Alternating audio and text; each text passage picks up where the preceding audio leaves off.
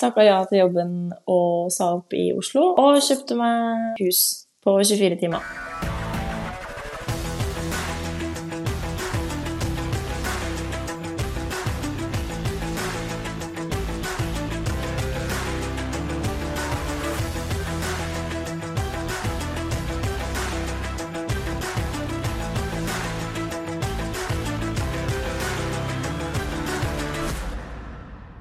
Og velkommen til første episode.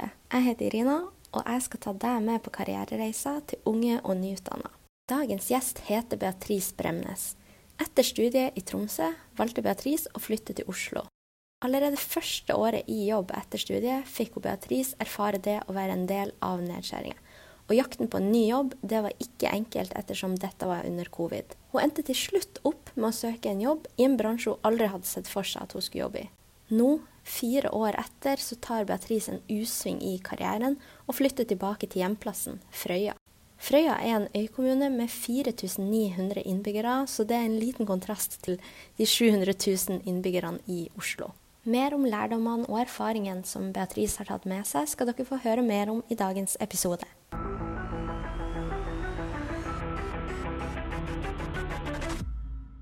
Hei, Beatrice, og velkommen som første gjest i podkasten i starten av min karriere. Tusen takk. Veldig stas å bli spurt. Ja, det er så hyggelig å se deg igjen. Jeg må jo gi litt kontekst til lytterne, og det er jo at vi kjenner jo hverandre fra før av. For vi har jo gått akkurat samme bachelorstudie og starta samtidig, og var på samme faddergruppe. Ja, vi kjenner hverandre. Vi var jo de første som, som ble kjent når jeg flytta til Tromsø, så det, det er koselig å, å snakke litt med deg igjen. Ja, det er veldig hyggelig å se tilbake på. Og vi skal jo prate mye mer gjennom denne podkasten. Men først så skal jeg stille deg noen spørsmål, sånn at, sånn at lytterne kan bli litt bedre kjent med deg og din bakgrunn. Så det første er jo hvor gammel er du?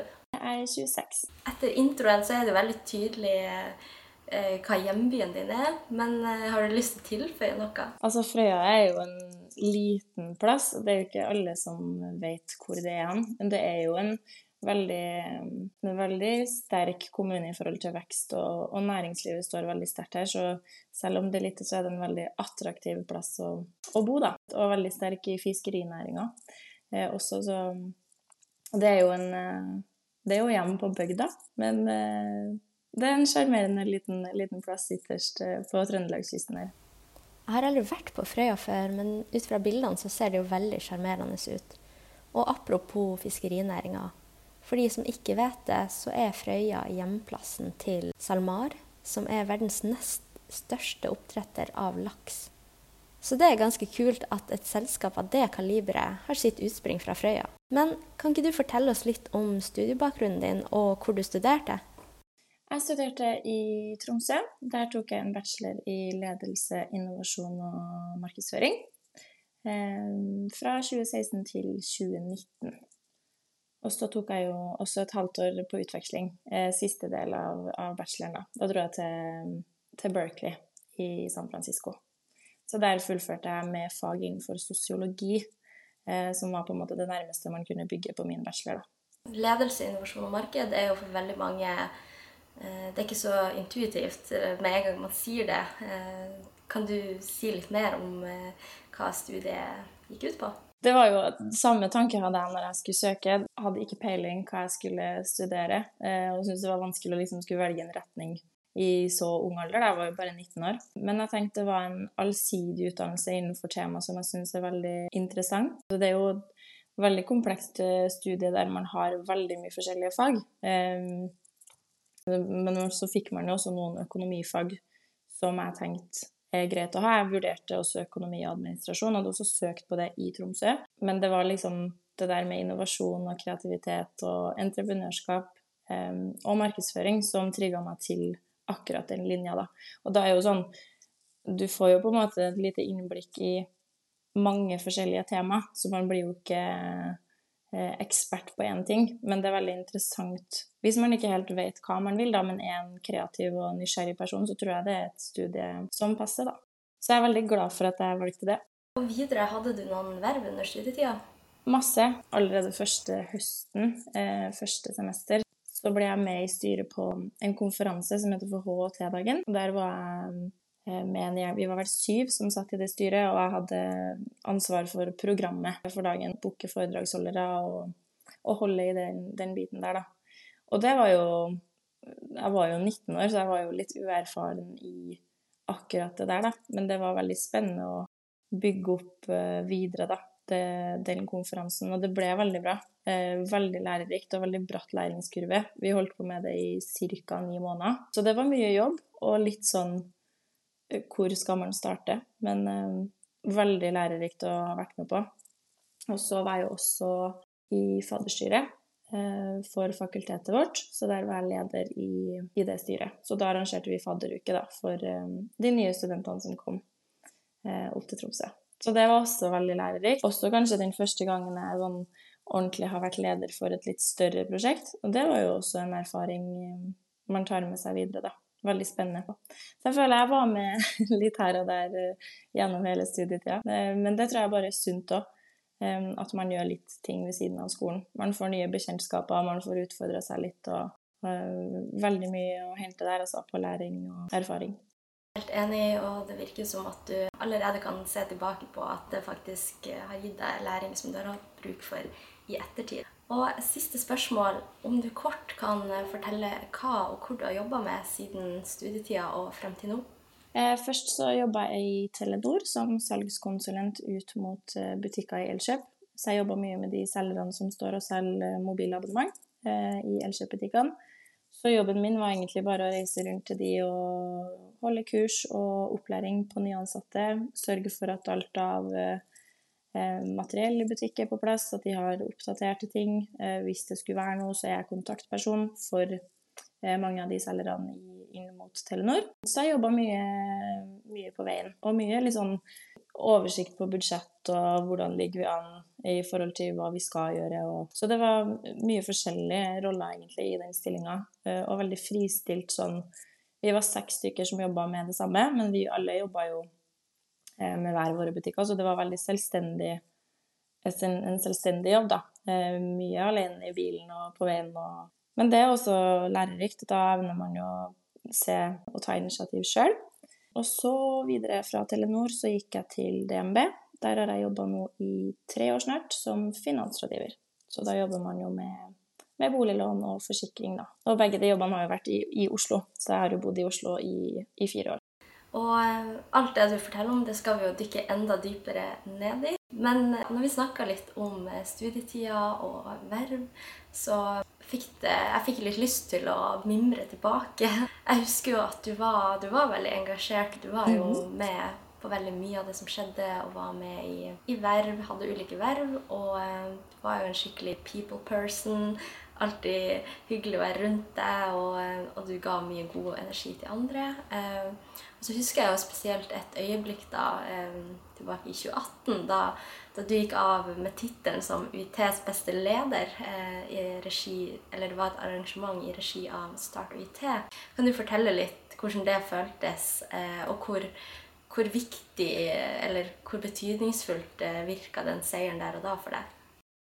Eh, lederjakten var jo Hva skal jeg si? Jeg hadde vært med på det året før, så jeg var kjent med konseptet. Og året før så var man litt sånn Det var også, det var også mitt første år som student, så det var veldig sånn Hadde ikke noe Altså, man er veldig ung. Eh, I hvert fall jeg følte meg veldig ung og litt sånn Du vet ikke helt eh, hvem du er, eller hva du vil.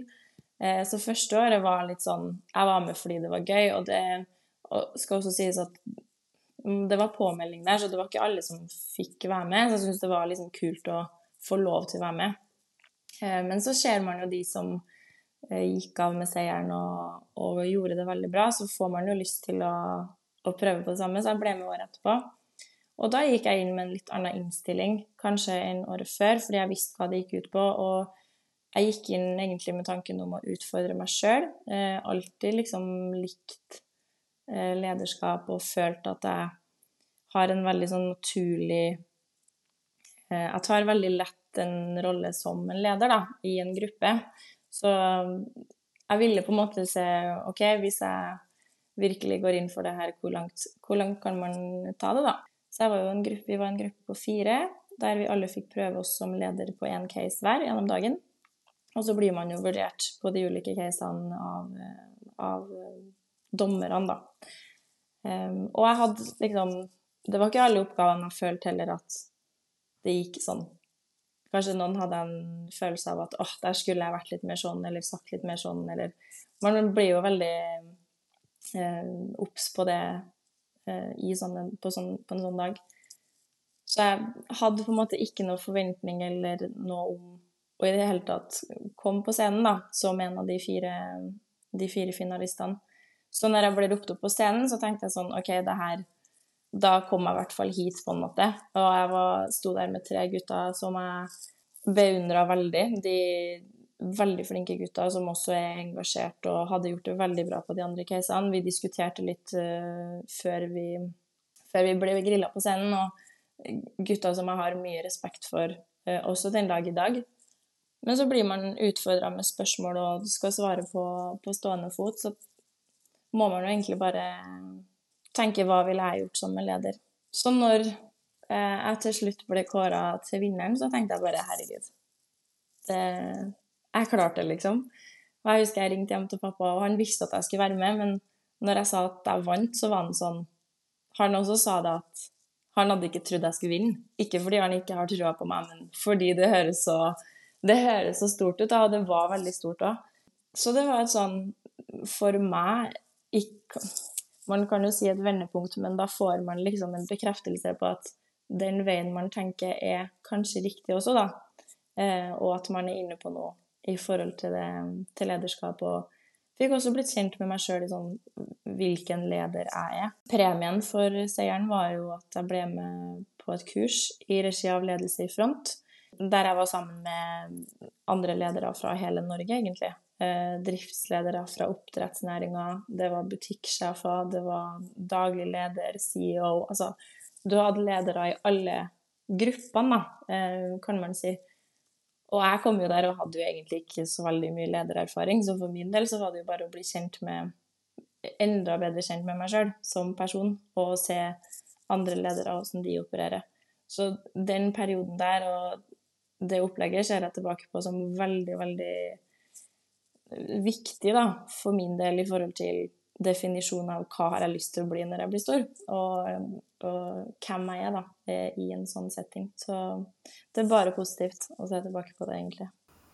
Hva var det viktigste du lærte om deg sjøl da, og, og, har du en, et eksempel på en situasjon der du har fått bruk for den, den lærdommen? Det er jo litt sånn som leder det, det er veldig mange personer som har lett for å ta styring i en gruppe. Eh, og så er det noen som gjør det fordi man har lyst, lyst til å være frontfiguren, og så har man de som gjør det fordi at det er naturlig. Men det jeg lærte mye, at lederskap handler mye om det å på en måte se de rundt seg, da, og at det er ingen som klarer å få til noe alene. Eh, så man er nødt til å jobbe godt i et team. Og en leder er ikke Altså rangstigen på en leder er Ja, man sitter på toppen, men man er på en måte like viktig som som de som er under seg, da. Og det å på en måte ha den ydmykheten og være ærlig på at det man gjør OK, så funka ikke den metoden, vi må prøve noe nytt. Hvordan går vi fram? Det å på en måte bruke de rundt seg, det tror jeg er det viktigste jeg tok med meg. Det å liksom ikke tenke at som leder skal man stå i ting alene, men faktisk så er man et team. Eh, du skal på en måte bare ta, ta og styre det teamet i riktig retning for å oppnå best resultat. Så det er egentlig det å være en, en god lytter og en god teamspiller, da, selv som leder, er vel kanskje det jeg tar med meg som det viktigste punktet eh, der. Og det er sånn vanskelig å si på en måte én spesifikk hendelse rundt akkurat det, da. Men nå har jeg jo jobba først i Telenor som, som selvstendig, eh, og nå i et team i, i DNB. Og i begge jobbene så har det vært veldig viktig å diskutere hva beste praksis er. Eh, hvordan skal vi komme fram til ting. Og i Telenor-jobben så kjente jeg kanskje på at det var litt sånn eh, Ja, vi er, en, vi er, et team, men man står mye alene, og de kjenner ikke butikken på den måten jeg gjør. Eh, så det å på en måte sjøl komme fram til gode løsninger i den jobben, kontra i DNB, der man har et helt team å lene seg på og spare med, veldig stor forskjell der. Og så i tel Telenor, det kan jeg også si at de som jobber i Elkjøp-butikkene, 90% av de er, er, menn. Og når man kommer inn der som 22-åring og skal fortelle de hvordan de skal, de skal selge eh, vårt produkt, det er også beintøft å stå i. Men det er også hvordan man legger fram ting, da. Nå skal ikke jeg belære dere, skal ikke fortelle dere hvordan dere gjør jobben, fordi dere gjør jobben deres veldig bra. Men hva om vi heller på en måte prøver denne eh, approachen til kundene i forhold til hva vi skal selge, da. Så det er veldig sånn Den ydmykheten eh, er vel liksom viktigste for meg som i en sånn lederfigur, da. Det å være ydmyk nok til at uh, man tar med alle på laget. Det høres ut som du har med deg veldig gode verdier. Og jeg sier på at ikke du kun fikk det med gjennom det lederutviklingsprogrammet, men at det ligger, ligger som eh, en av dine personlige verdier som er viktig for deg. Eh, og så kjenner jeg meg jo veldig igjen i det her med at det kan være utfordrende å eller det, det, er desto mer utfordrende å spille andre god enn å være god sjøl. Fordi eh, de du jobber med, er så forskjellige, og som leder så skal du jo prøve å finne ut hvordan de jobber best mulig, og, og bygge videre på deres styrker.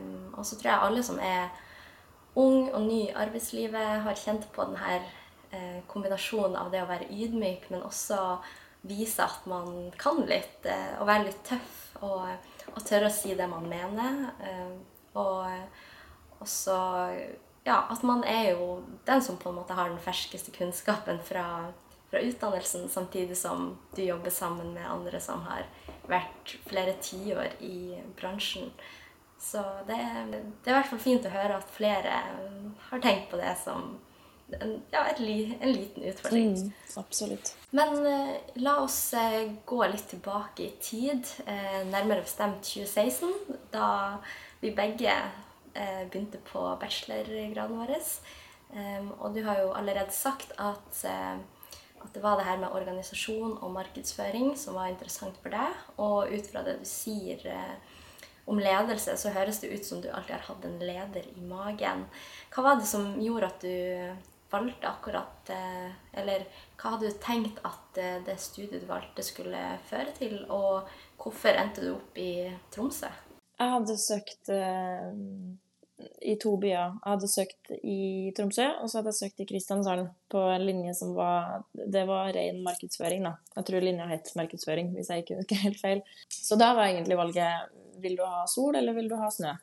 Og fun fact er jo at året, altså samme år som jeg skulle begynne å studere, så hadde jeg jo egentlig også blitt kalt inn i Forsvaret. Og da skulle de sende meg til Bardufoss, og så tenkte jeg aldri i verden om jeg skal bo så langt nord. Så det at jeg endte opp i Tromsø, er egentlig litt tilfeldig.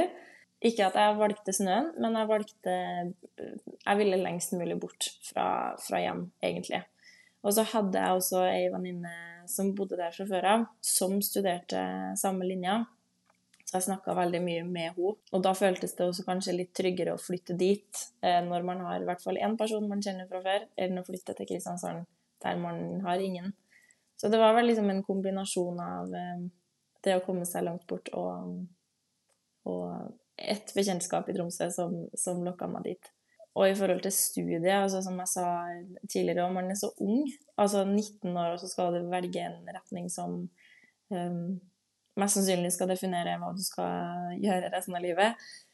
Så det Jeg gikk veldig inn med sånn Jeg tror jeg hadde en veldig avslappa innstilling til det i starten, og så får man en sånn Feil å si slag i trynet, men det er en forsmak på voksenlivet, det å faktisk skal tilegne seg ny kunnskap. Det er ikke som man er kjent med på videregående. Det er ingen som, hvis du ikke møter opp på skolen, så er det ingen som bryr seg om det, på en måte. Eh, det er opp til deg sjøl hvordan du angriper, angriper, studiet ditt. da. Så det tror jeg kanskje det første semesteret var litt sånn Tok litt lett på det, og så kom eksamen, og så Oi, shit, det her, er, det her krever mye mer Uh, mye mer, da. Og da tror jeg det er også en sånn wake-up call for at jeg faktisk tok det litt mer seriøst. Sånn OK, nå har jeg valgt det studiet her, nå skal, nå skal jeg lære meg det også. Men det er overgangen fra videregående til studentlivet tror jeg mange kan kjenne på at det er litt tøff. Nå hadde jo vi et ganske sånn Det er feil å si enkeltstudie, men rammene var veldig fri da, eh, for oss som studenter. Så det å ha liksom struktur sjøl ble veldig viktig i studietida for min del. Jeg ville jo egentlig bare bli, lære meg eh, nye ting, bli god på det. Jeg har jo alltid tenkt at ledelse og markedsføring, noe innenfor organisasjonen, skal være eh, noe av det jeg skal jobbe med videre. Og så underveis i studiet så blir man også kanskje litt sånn Man finner ut hva man har lyst til og ikke, da. Så entreprenørskap, for eksempel, og innovasjon. De to fagene var jo veldig sånn kreative fag. Og da fikk jeg kanskje altså, erfart at jeg er ikke de som kommer med alle de kreative ideene og som skribler ned og har masse på bordet, men er mer den som på en måte gjennomfører det da, fra liksom plan til avslutning. Er mer den Der er jeg sterkere enn akkurat i den der idéfasen. Og det er også noe man kanskje ikke hadde lagt merke til så tidlig ellers i arbeidslivet, kanskje. Så det er sånn erfaringer underveis i studiet, tror jeg, hele veien, som gjør det veldig interessant, da. Sitter du da igjen med erfaringer om at studiet du gikk, var riktig for deg, med tanke på det som har skjedd i ettertid? Ja, det føler jeg. Jeg har aldri angra på at jeg valgte den retninga.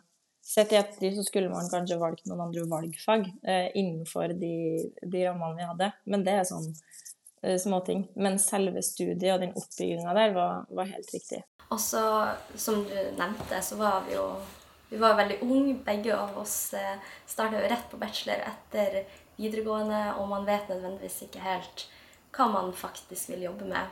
Og for min del så var det jo litt omvendt av det du sier. For jeg, jeg ville jo gå ledelse, innovasjon og marked fordi jeg var veldig interessert i markedsføring, og skulle, det var det jeg skulle jobbe med. Så mot slutten av bacheloren så ble jo jeg mer interessert i entreprenørskap eh, og innovasjon. Så jeg gikk jo mer den veien. Så, så det er litt som du sier, at, eh, at, gjennom studiet så blir man jo også ikke bare vokser man og utvikler man seg som person, men også faglig blir man mer kjent med seg sjøl. Hva er det man faktisk er god på? Sånn som du sier at du er mer en, en doer og mm. kanskje en strategisk tenker. Eh, mens andre liker å kaste baller opp i lufta. Og så trenger vi jo alle. Men, men, det er viktig at man vet eh, sjøl hva man er god på, sånn at man kan bruke de styrkene i de timene man jobber i. Absolutt. Og så eh, er det jo så er det jo gått tre år, og bacheloren nærmer seg ferdig. Og eh, mange velger jo å gå rett på, på master etter bachelor, men, eh, men det gjorde ikke du. Og vi har jo også, altså I Norge så har det jo vært i mange år prata om en mastersyke, og at det er blitt stilt spørsmål ved om man kanskje utdanner seg for mye her i Norge. Eh, og så er jo du et veldig godt eksempel på at det, det, kan gå bra selv om man i anførselstegn bare har en bachelor. Hva tenker du rundt det her? Ja, det er som du sier, det er en mastersyke. Det er nesten forventa når man tar en bachelor at eh, ja, skal du gå på master? Og for meg så var det um, Jeg hadde behov for å bruke noe av det jeg hadde lært i praksis. For, for meg, hvis jeg skulle tatt en master, så skulle jeg vært så sikker på at det jeg tar master i, er liksom Da bygger jeg videre for å bli enda bedre uh, mot det jeg skal jobbe i. Og for meg var det heller viktig å og prøve meg litt i arbeidslivet for å, for å kjenne litt på det. Eh, og så kan man jo si at kanskje ingen av de to jobbene jeg har hatt, har hatt så mye med akkurat liksom spesifikt utdanninga mi å gjøre. Eh, men det var mer sånn Begge de jobbene har vært en selgerjobb, og det er jo veldig Jeg er jo en veldig utadvendt person, og salg og markedsføring går jo litt hånd i hånd. Så salg har jo på en måte vært um, en sånn rød tråd gjennom egentlig alle jobbene jeg har hatt, også før og under studietida. Men det var aldri et eh, alternativ for meg å ta master når jeg var ferdig på bacheloren. Så tenkte jeg heller at jeg jobber litt først, og så eh, kan vi ta master senere. Men så mm, er man i arbeidslivet og blir vant til det. og så langt så har ikke jeg sett behovet for å ha en mastergrad. Og da tenker jeg også at mm, da trenger man ikke å ta det. Og nå har jeg jo også fått en jobb der jeg skal bruke enda mer av det jeg lærte på studiet. Så Den er jo faktisk kjemperelevant i forhold til utdanninga mi. Men det er også en sånn mulighet sånn Jeg hadde ikke fått den muligheten der i Oslo uten en master, for å si det sånn. Ehm, men her flytter man til en mindre plass der bare det at jeg flytta ut og tatt en bachelorgrad, er veldig bra. Så jeg tror den der mastersyken er Man skal ikke føle liksom et press på å må ta det. Man må, være, man må kjenne sjøl om man for det første har lyst og er motivert, og virkelig på en måte kjenne at jo, en master har jeg lyst til å ta. Men det er et press. Jeg tror mange kjenner, kjenner på det. Uh, unge studenter i dag. Absolutt. Uh, og jeg, jeg, var jo også en av de som hadde tenkt at uh, det holder med en bachelor. jeg har gått rett etter videregående, rett på universitetet, og jeg var så lei av å studere. Og, og jeg er jo egentlig en person som er glad i skole. og har syntes at det har vært veldig greit. Eh, men etter bacheloren så var jeg så lei. Hadde lyst til å, som du sier, begynne å jobbe med, med faktiske ting. Levere en verdi til samfunnet og, og, komme meg ut av det studielivet. Og så, eh, så drar jeg på middag, da. Eh, og så møter jeg noen, og da begynner vi å prate om akkurat det her med bachelor og master og hva jeg skal gjøre etter, etter studietida. Og etter den samtalen så ble jeg jo da overbevist om at jeg skulle gå master. og det var, det var, ikke et lystbetont eh, øyeblikk, for idet jeg sendte inn søknaden til masteren, så jeg tuller ikke. Jeg hadde jo tårer i øynene, for jeg hadde virkelig ikke lyst. Men jeg kjente da kanskje litt på det presset og, og ut fra den samtalen. og etter jeg begynte på masteren, så har ikke jeg angra på det heller. Og jeg syns også det var veldig fint å gå master, for da fikk jeg fordypa meg enda mer i fag. Og, og blitt enda mer kjent med hva jeg faktisk ønsker å jobbe med. Så eh, det går nok litt alle veier, men jeg er 100% enig i at hvis man ikke ønsker å ta en master eller føler behov for det, så, så trenger man ikke det. Man får muligheter uansett. Mm. Men etter de tre årene så velger jo du å flytte til Oslo, eh, og så får du deg jobb der. Hvordan, eh, hva lå bak valget om å flytte til Oslo? Da hadde jeg jo bodd to og et halvt år i Tromsø, og så hadde jeg vært eh, fire måneder i USA, i San Francisco. Og den sommeren så flytta jeg jo på en måte hjem, for jeg hadde jo flytta fra Tromsø.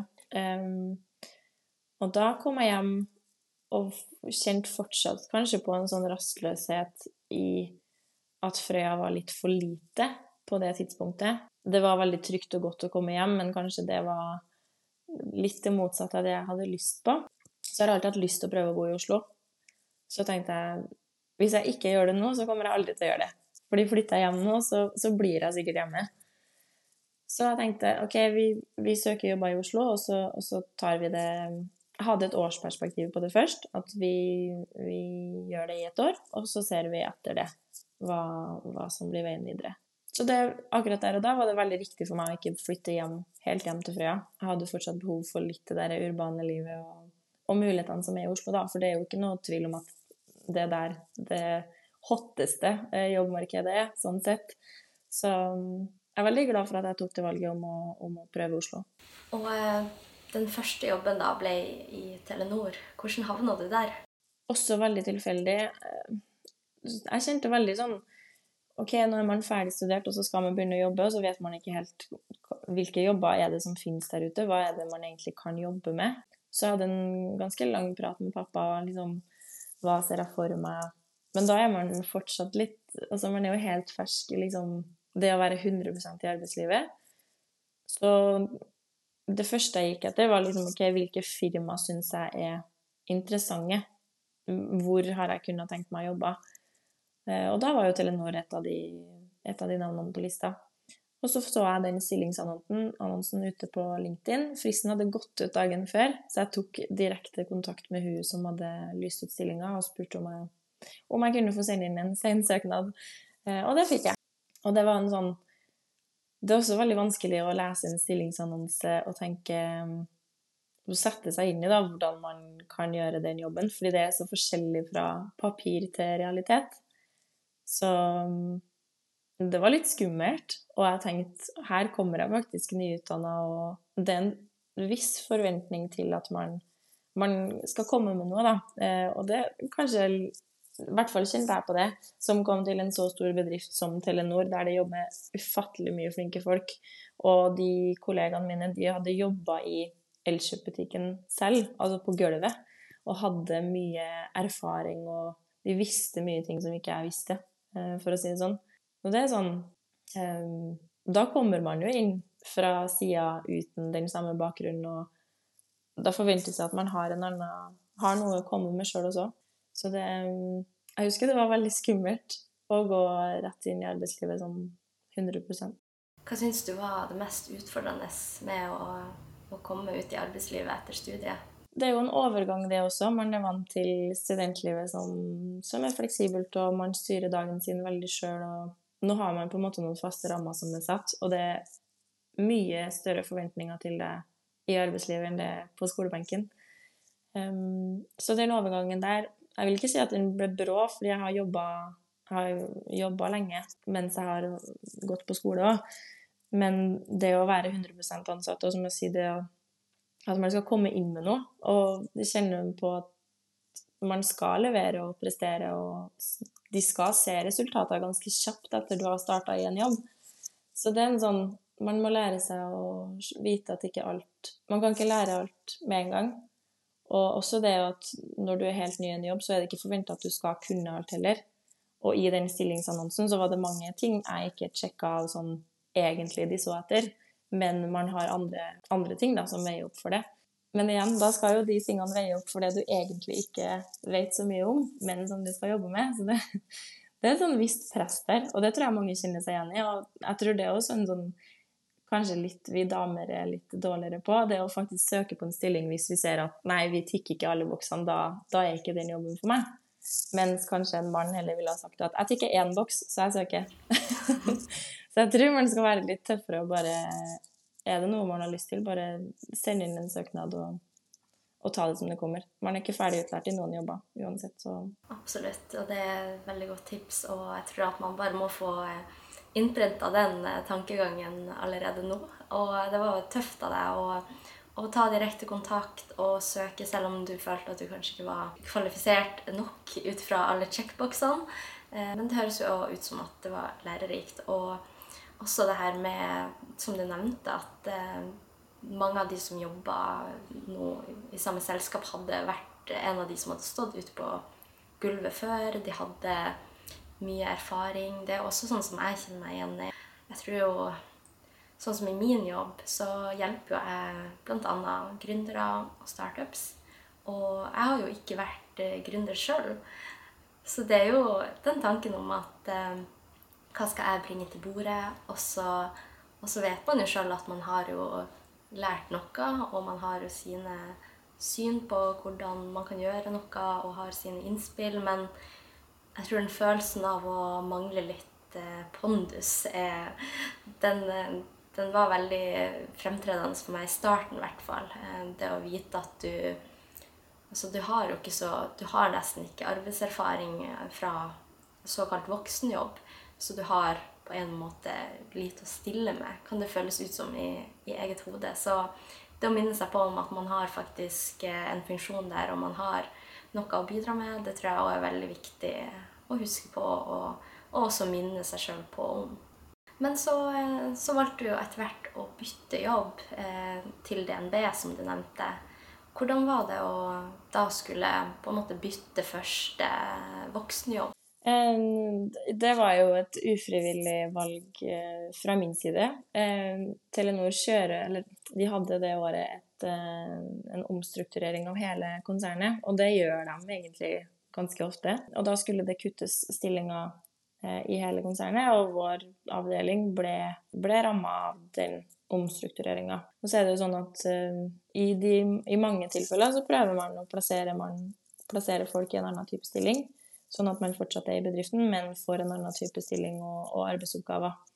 Og det er jo ikke alltid at det går. Og så har de også en policy litt sånn uskreven at er man sist inn, så er man også først ut.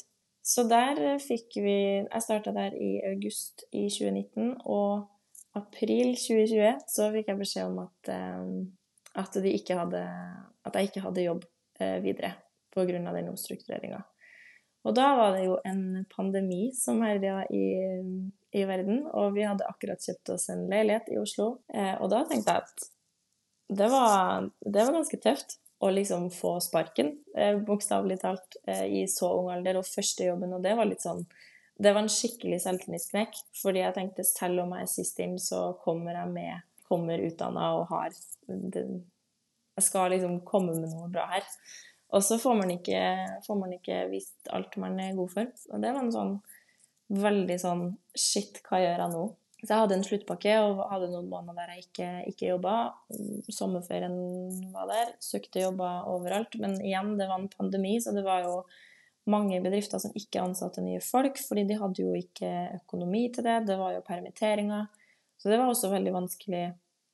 Hva skal jeg gjøre nå? Og må, måtte ha i bakhodet liksom hvilken bransje er mest utsatt for å bli permittert. Så det var veldig vanskelig å søke jobb igjen etter det, gitt alle omstendighetene rundt eh, i verden.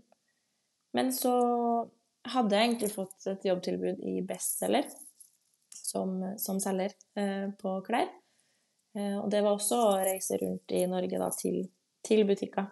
Eh, de hadde nettopp kommet tilbake fra en permittering, eh, men nå var de liksom oppe og nikka igjen. Og hadde fått et jobbtilbud. Og så hadde jeg søkt på en jobb i DNB som finansrådgiver, men jeg tenkte jeg skulle, jeg skulle aldri jobbe i bank. Liksom, det, det, tenkte jeg det var ikke noe for meg. Men jeg hadde likevel søkt bare for å, for å ha gjort det. Og så fikk jeg innkallelse på intervju. Og da også gikk jeg inn på det intervjuet med et mindset om at det her er intervjutrening. Det er alltid greit å bare ha vært på et intervju, høre litt hva stillinga går ut på. Og så gikk jeg ut av det intervjuet med, med veldig lyst på den jobben istedenfor. Og den fikk jeg. Så det var en sånn litt sånn turbulent eh, Det var litt turbulent noen måneder der. Litt sånn knekk eh, i selvtilliten. Og så var man oppe på hesten igjen da, oktober i 2020 da i DNB. Det må jo ha vært et skikkelig slag i trynet. Og eh, ja, som du sier, i starten av arbeidslivet, og som du sier, det å, å bli sparka. Eh, hvordan, hvordan, fikk du selvtilliten opp igjen? Hva var det viktigste for deg å fokusere på etter det som skjedde? Altså, det var jo ikke jeg som hadde gjort noe for å få sparken. Det var jo ikke fordi at jeg ikke var flink, eller fordi jeg ikke gjorde jobben min som jeg skulle. Det var jo rett og slett en omstrukturering på høyt nivå. Altså, det var mange, mange som måtte gå da. Um, og det å liksom tenke at jeg er uh, nåla i høystakken Det er mange andre også som står i samme situasjon, og jeg kunne ikke på en måte gjort noe annerledes for å forhindre at det skjedde. Det hadde nok ja, jeg kunne ikke gjort noe annerledes, føler jeg sjøl. Og det var kanskje det jeg holdt meg litt fast i, at OK, så var ikke, da var ikke det jobben, liksom. Da, da må vi lete videre. Hva er det vi skal gjøre? Og hadde det ikke vært for korona, så er det ikke sikkert jeg hadde endt opp i DNB heller, fordi jeg søkte jo med den tankegangen om at jeg kan ikke bli permittert. og jobber man i bank, så blir man ikke permittert. Men eh, Eh, så det er jo også tilfeldig egentlig at jeg ender opp i DNB, og har jo heller ikke spesielt sånn utdannelse innenfor markedsføring. Jeg har hatt eh, basic eh, regnskap og bedriftsøkonomi, på en måte. Um, men der også er jo mye på rådgiver, altså det salg, det er jo Man skal være bedriftens ansikt utad. Så jeg følte liksom at det var en jobb som jeg kunne håndtere bra, ut ifra de Eh, erfaringene og den personen jeg er. Så det, var, det, har vært en veldig lærerik vei i DNB også, og den jobben har Jeg har utvikla meg masse, både jobbmessig, med erfaring og, og struktur, men også liksom som person. Nå har jeg jo jobba med folks privatøkonomi i tre år, og det, man blir en god menneskekjenner av sånne ting. Så um du endte opp i bank, selv om det var en plass du i utgangspunktet hadde tenkt at du ikke ville jobbe.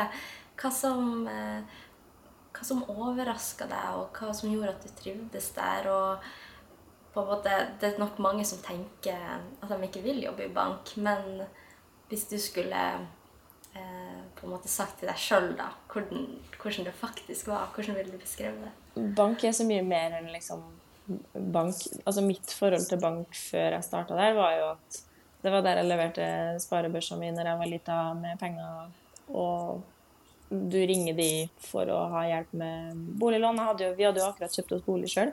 Så jeg hadde jo vært gjennom den prosessen. Og så tenkte jeg at det er veldig firkanta og kjedelig, og at det var en veldig sånn A4-jobb. Og så er bank veldig mye mer enn bare det. Det er jo et helt um, Nå jobber jeg i DNB, som er den største, største i Norge. Og organisasjonen der er så stor, og det er så mange muligheter videre innenfor bank, da. Og mye mer enn bare den utad kontakten med kundene. Så det som overraska meg, var at det var veldig lite av den der tørre, kjedelige jobben som jeg hadde sett for meg at det var.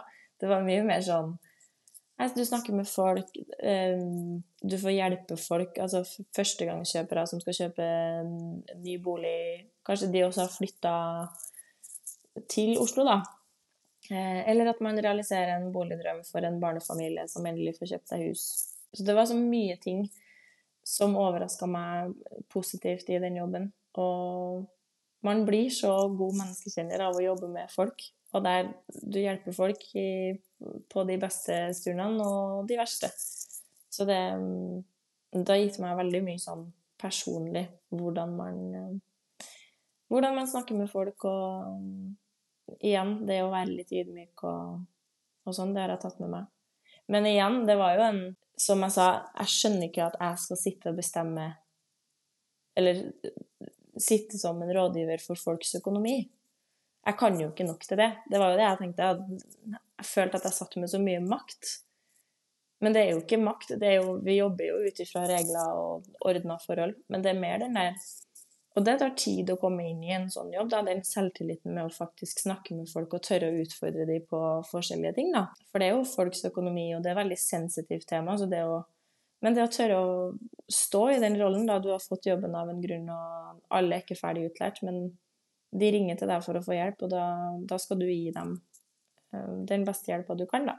Så det er liksom det å ha den selvtilliten til at uh, jo, du har fått jobben av en grunn, så du, du klarer å gjøre den også på, på, best mulig måte. Og så hadde jeg ekstremt gode kollegaer. Vi hadde et veldig godt arbeidsmiljø. Vi var en mindre avdeling, uh, 16 stykker og veldig, veldig godt arbeidsmiljø. Og det hjelper jo veldig på at man trives når man kommer på jobb, og gleder seg til å gå på jobb.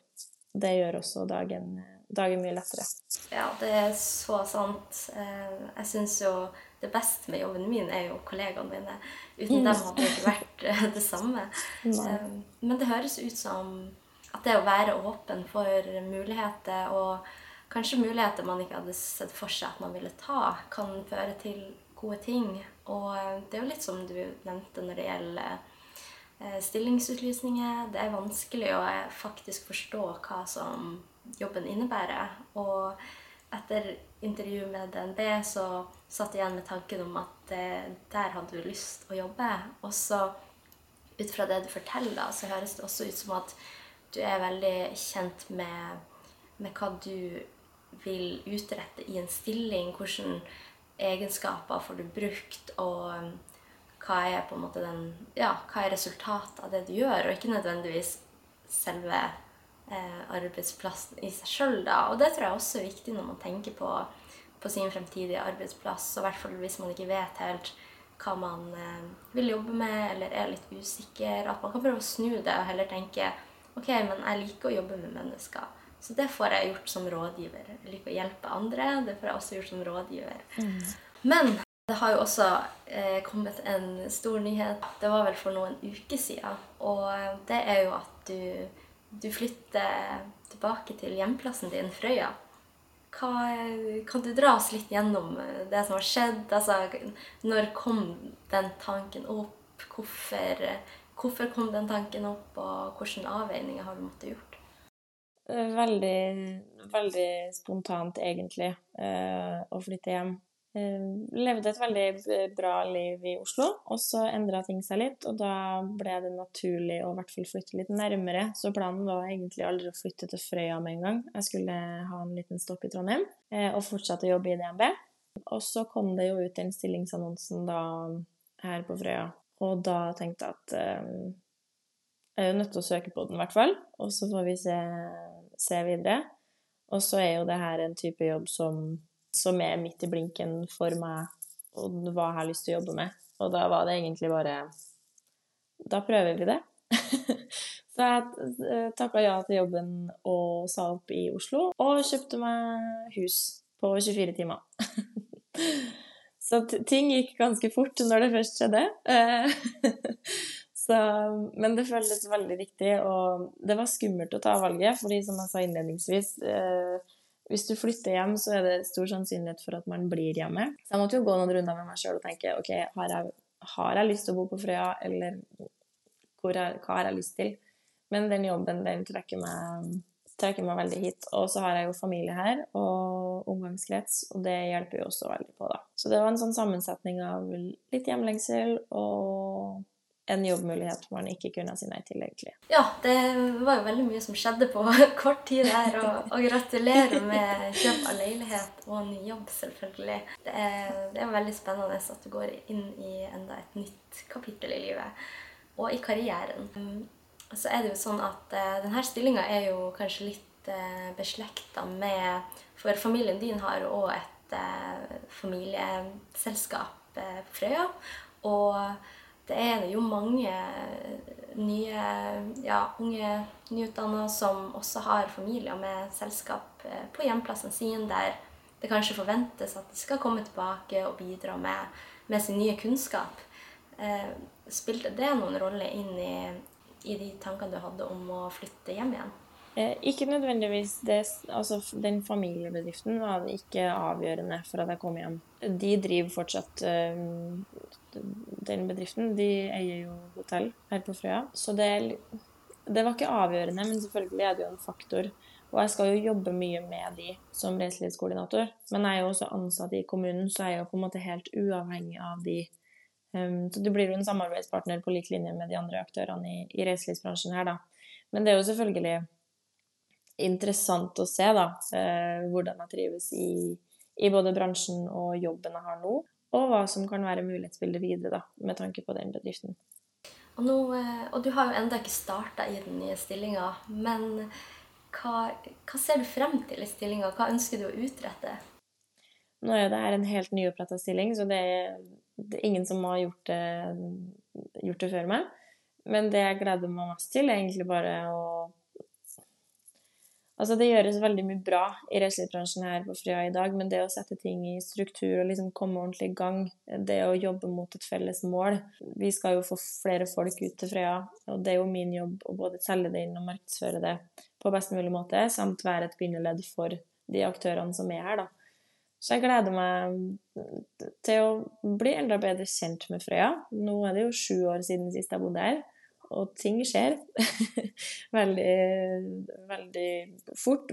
Både i næringslivet, men òg um, privat. Jeg er jo en helt annen person. Helt annen person er jeg kanskje ikke, men jeg kommer tilbake med litt andre kanskje erfaringer og verdier da, enn hva jeg hadde når jeg flytta herfra. Så det å få vise fram det til, til, folk her, det gleder jeg meg til. Og så har jeg heller aldri vært liksom 100% i arbeidslivet her. Så det er også en ny ting. For sist jeg bodde her, så gikk jeg på skole. Så det er jo to veldig forskjellige hverdager sånn sett. Så det er en sånn totalpakke av å komme hjem og vise fram det jeg kan, og, og bidra, da. Det er det jeg gleder meg mest til.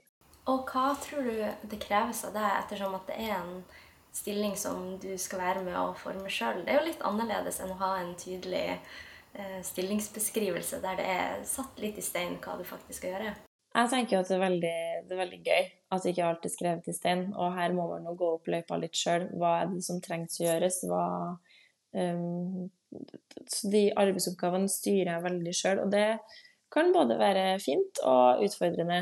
Som du sier, man har ikke noe faste sånn, en tydelig beskrivelse. Så når folk spør hva jeg skal jobbe med, så er det litt sånn Jeg vet ikke helt sjøl alt det kommer til å innebære. Men struktur er nøkkelordet, nøkkelordet, i en sånn stilling. Og det å på en måte klare å gjøre de riktige prioriteringene. Hva får vi gjort nå, og hva krever mer planlegging som vi kan se fram i tid, da. Så det å liksom ha strukturen på plass og organisere alt riktig, det er jo det, er det som er nøkkelordet i den stillinga, tror jeg. Og som også blir utfordrende, da. klare å prioritere hva man skal, hva man skal gjøre og, og få til. Man har jo mye tanker, så når man kommer inn sånn i hvert fall har jeg det. Mange ideer om hva jeg har lyst til å få til. Så må man bare få gjennomført det også. Og det er jo et enormt potensial eh, innenfor reiseliv egentlig i hele Norge. Så det blir jo veldig mm. spennende å følge med videre på hva du skal utrette der. Ja. har du noen tips til, eh, til noen eh, aktiviteter på Frøya hvis, hvis, man ønsker å reise dit? Altså, Vi er jo en kystkommune, så det å være glad i båtliv og sjø og kanskje litt fisking er jo en fordel. Men vi har jo et fantastisk øyrike utenfor Frøya. Her har vi masse små holmer som har restauranter og puber og veldig fint naturlandskap. Så en liten sightseeing i øyrekka eh, absolutt anbefaler. Og så har vi også Norges beste hotell. For øvrig det er min familiebedrift. Men de ble kåra til Norges beste hotell nå i en, i en um, konkurranse. Så et besøk, eh, et besøk der. Vi har veldig god lokalmat. Veldig god på bl.a. laks, som du var inne på. Men også villsau er vi gode på. Vi har lokalt bryggeri. Så lokale råvarer man, står veldig sterkt der, da. Så det er en matopplevelse eh, å komme hit. Det høres jo helt fantastisk ut på Frøya. og gratulerer med kåringa. ja. altså, jeg fikk den med meg, og det så jo utrolig koselig ut der. Så nå når du prater om Frøya, så får jeg veldig idylliske bilder i hodet mitt. Så ja. kanskje neste år så kommer jeg på besøk. Absolutt. Mm. Men eh, vi skal begynne å runde litt av. Og eh, jeg vil spørre deg om hva, hva tenker du videre karrieremessig? Hva er, du, hva er ambisjonene dine når du ser for deg hele karrieren din? Jeg lurer fortsatt på hva jeg skal bli når jeg blir stor, og det kommer jeg sikkert alltid, alltid til å gjøre. Men eh, jeg føler at jeg er i hvert fall på riktig spor i den nye jobben nå i forhold til markedsføring. Jeg får jobbe i reiselivsnæringa som jeg um, har vokst opp i, og som jeg um, har et veldig godt forhold til. Og det å få være med å utrette noe, det, det syns jeg er veldig spennende. Og så har jeg jo ikke lagt liksom, den ledelsesbiten helt på hylla. Um, nå blir jeg jo litt min egen sjef i den nye jobben. Um, men det å på en måte alltid være nysgjerrig på, på, hva som er neste steg, det er kanskje nøkkelordet i min karriere. Men jeg har lyst til å få det til veldig bra her på Frøya, og jeg brenner for at vi, at vi skal få vist fram øya vår. Så at jeg blir noen år i, i bransjen, det, det, tror jeg nok. Og så får man se hvor, hvor, veien fører videre. Men jeg tenker også at den nye jobben her er, er veldig bra CV-bygging for min del og en mulighet man kanskje ikke hadde fått um, i Oslo, da. Så egentlig bare være åpen for, eh, for videre muligheter etter den stillinga, det er nok viktig. Og så får man noen nye erfaringer og, og lærdom på veien, så kanskje bygger jeg videre på, videre på det. Kanskje blir det master. Vi får se. Jeg er veldig åpen, men jeg føler at jeg er i hvert fall inne på riktig spor i forhold til bransje og, og de arbeidsoppgavene jeg skal få nå. Det er veldig min, i min vei. Ja, og det høres ut som Nå har du jo vært bare fire år i arbeidslivet, og det høres ut som du har lært utrolig mye allerede som kommer til å hjelpe deg videre og bygge karrieren og etter hvert bli en veldig god leder. Eh, og stadig utvikle deg sjøl med den innstillinga du har om å være åpen for nye ting og, og, se hvor det bærer hen. Du har jo kommet med veldig mange gode tips gjennom denne samtalen. Men hvis du skulle velge ut et tips som du kan gi til lytterne når det gjelder det å bygge karriere, hvilke tips vil du gi? Eh, det er bare å tørre å, å satse. Tørre å by på deg sjøl. Ikke være redd for å søke på en jobb. Eh, ikke vær redd for å si opp en jobb hvis den er feil for deg. Tør å ha troa på at det du kan, og den du er, er nok og bra nok eh, i, en, i, en, jobb, da. For det er så mange Næringslivet og arbeidslivet er så stort. Så man må ha god selvtillit eh, på det man kan. Så, så, kommer man veldig langt. Og igjen, mastersyken. Det er ikke hva du har på papiret som, som avgjør om du hvordan du lykkes, men heller hvordan du er som person. Så det er bare å være seg sjøl og tørre å satse, er vel det beste rådet. Veldig kloke ord. da, da, håper jeg at eh, lytterne tar det til seg og, eh, og tør å gønne på videre i karrieren. Og så må jeg bare si tusen takk, Beatrice, for at du kunne stille på podkasten som vår første gjest. Selv takk. Veldig, veldig hyggelig, altså.